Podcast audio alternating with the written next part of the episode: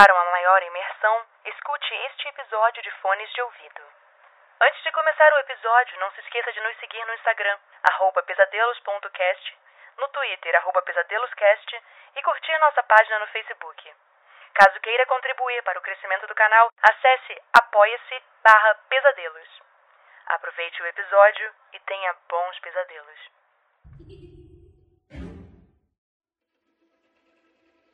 As Pétalas, por William Camargo.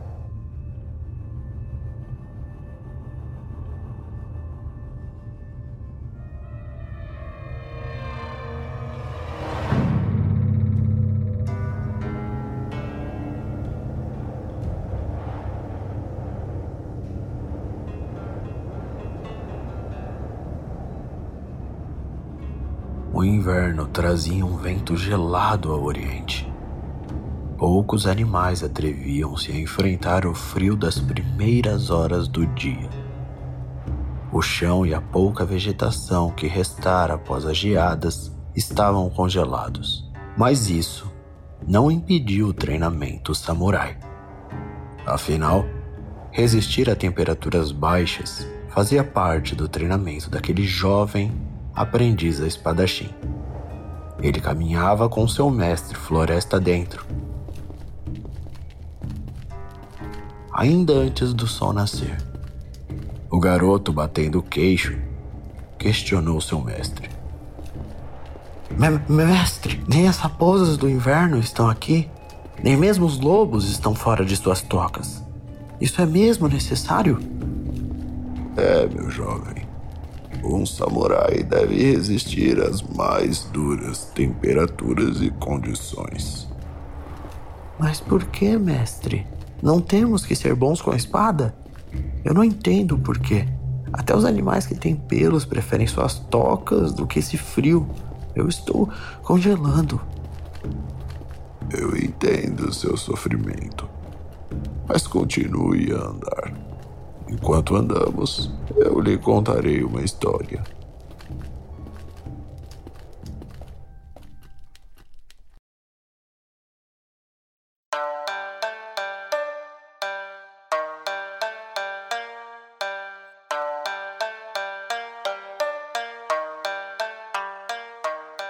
Há muitos invernos atrás, quando os Onis caminhavam com os vivos, viveu um mestre samurai. Ele fazia parte de um grupo de guerreiros que defendiam de onde viemos até onde os seus olhos alcançam. E os guerreiros deste grupo eram selecionados minuciosamente pelos melhores e mais experientes samurais. Quando ele foi escolhido, ninguém entendeu o porquê. Não era nada habilidoso com a espada, nem veloz, não era forte, não lutava bem sem a espada.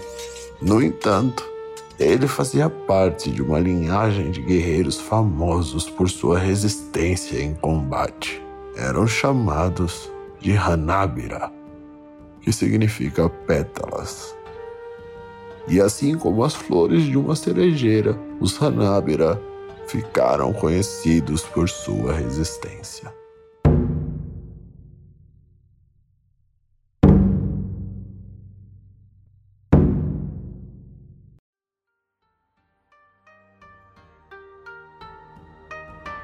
Certo dia, cinco dos mais perigosos Onis atacaram o vilarejo vizinho.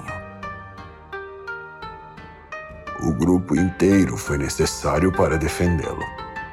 No entanto, o jovem Hanabira teve que ficar para cuidar do templo de guerreiros. E ninguém iria imaginar que tratava-se de uma armadilha. Os Oni usaram ilusões para enganar os guerreiros e atacaram o templo desprotegido.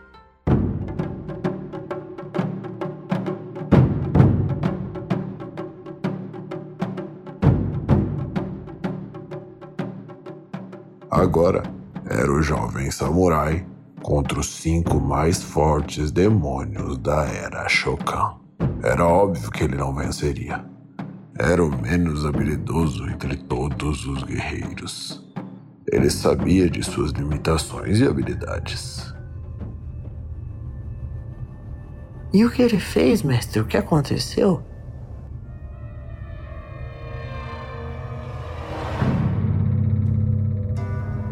Velho homem apanhou as pétalas de uma flor de cerejeira e perguntou a seu aprendiz: Caso eu tire todas as pétalas dessa flor, ela morrerá, meu jovem? O jovem, ansioso pelo fim da história, deu de ombros e respondeu: Não sei, mestre, mas continue a história. E o velho homem continuou: A história não tem um final feliz como nos contos antigos, meu jovem. Mas a lenda dos Hanabira ecoa até hoje. Os escritos antigos contam que quando os outros samurais chegaram naquele templo, o guerreiro que resistia sozinho contra o grupo de Onis estava quase desfigurado. Já havia perdido um dos braços. Suas pernas serviam apenas para mantê-lo de pé. E havia uma lança fincada em seu estômago. Assim que os outros guerreiros chegaram, um dos Onis de pele vermelha, grande feito um gorila, desferiu um golpe contra o pobre Hanabira, que não conseguiu nem se defender, arrancando-lhe a cabeça. Nossa, mestre, que história cruel. Ele não era tão resistente quanto sua linhagem, então.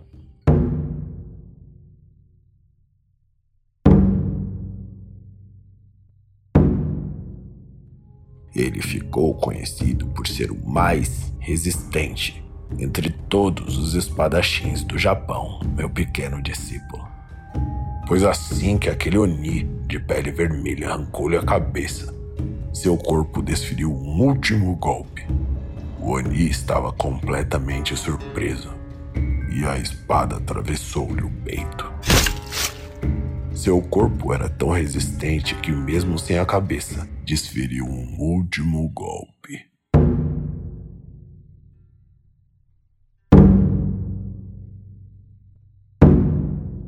Agora pergunto-lhe: se eu tirar todas as pétalas desta cerejeira, ela ainda viverá?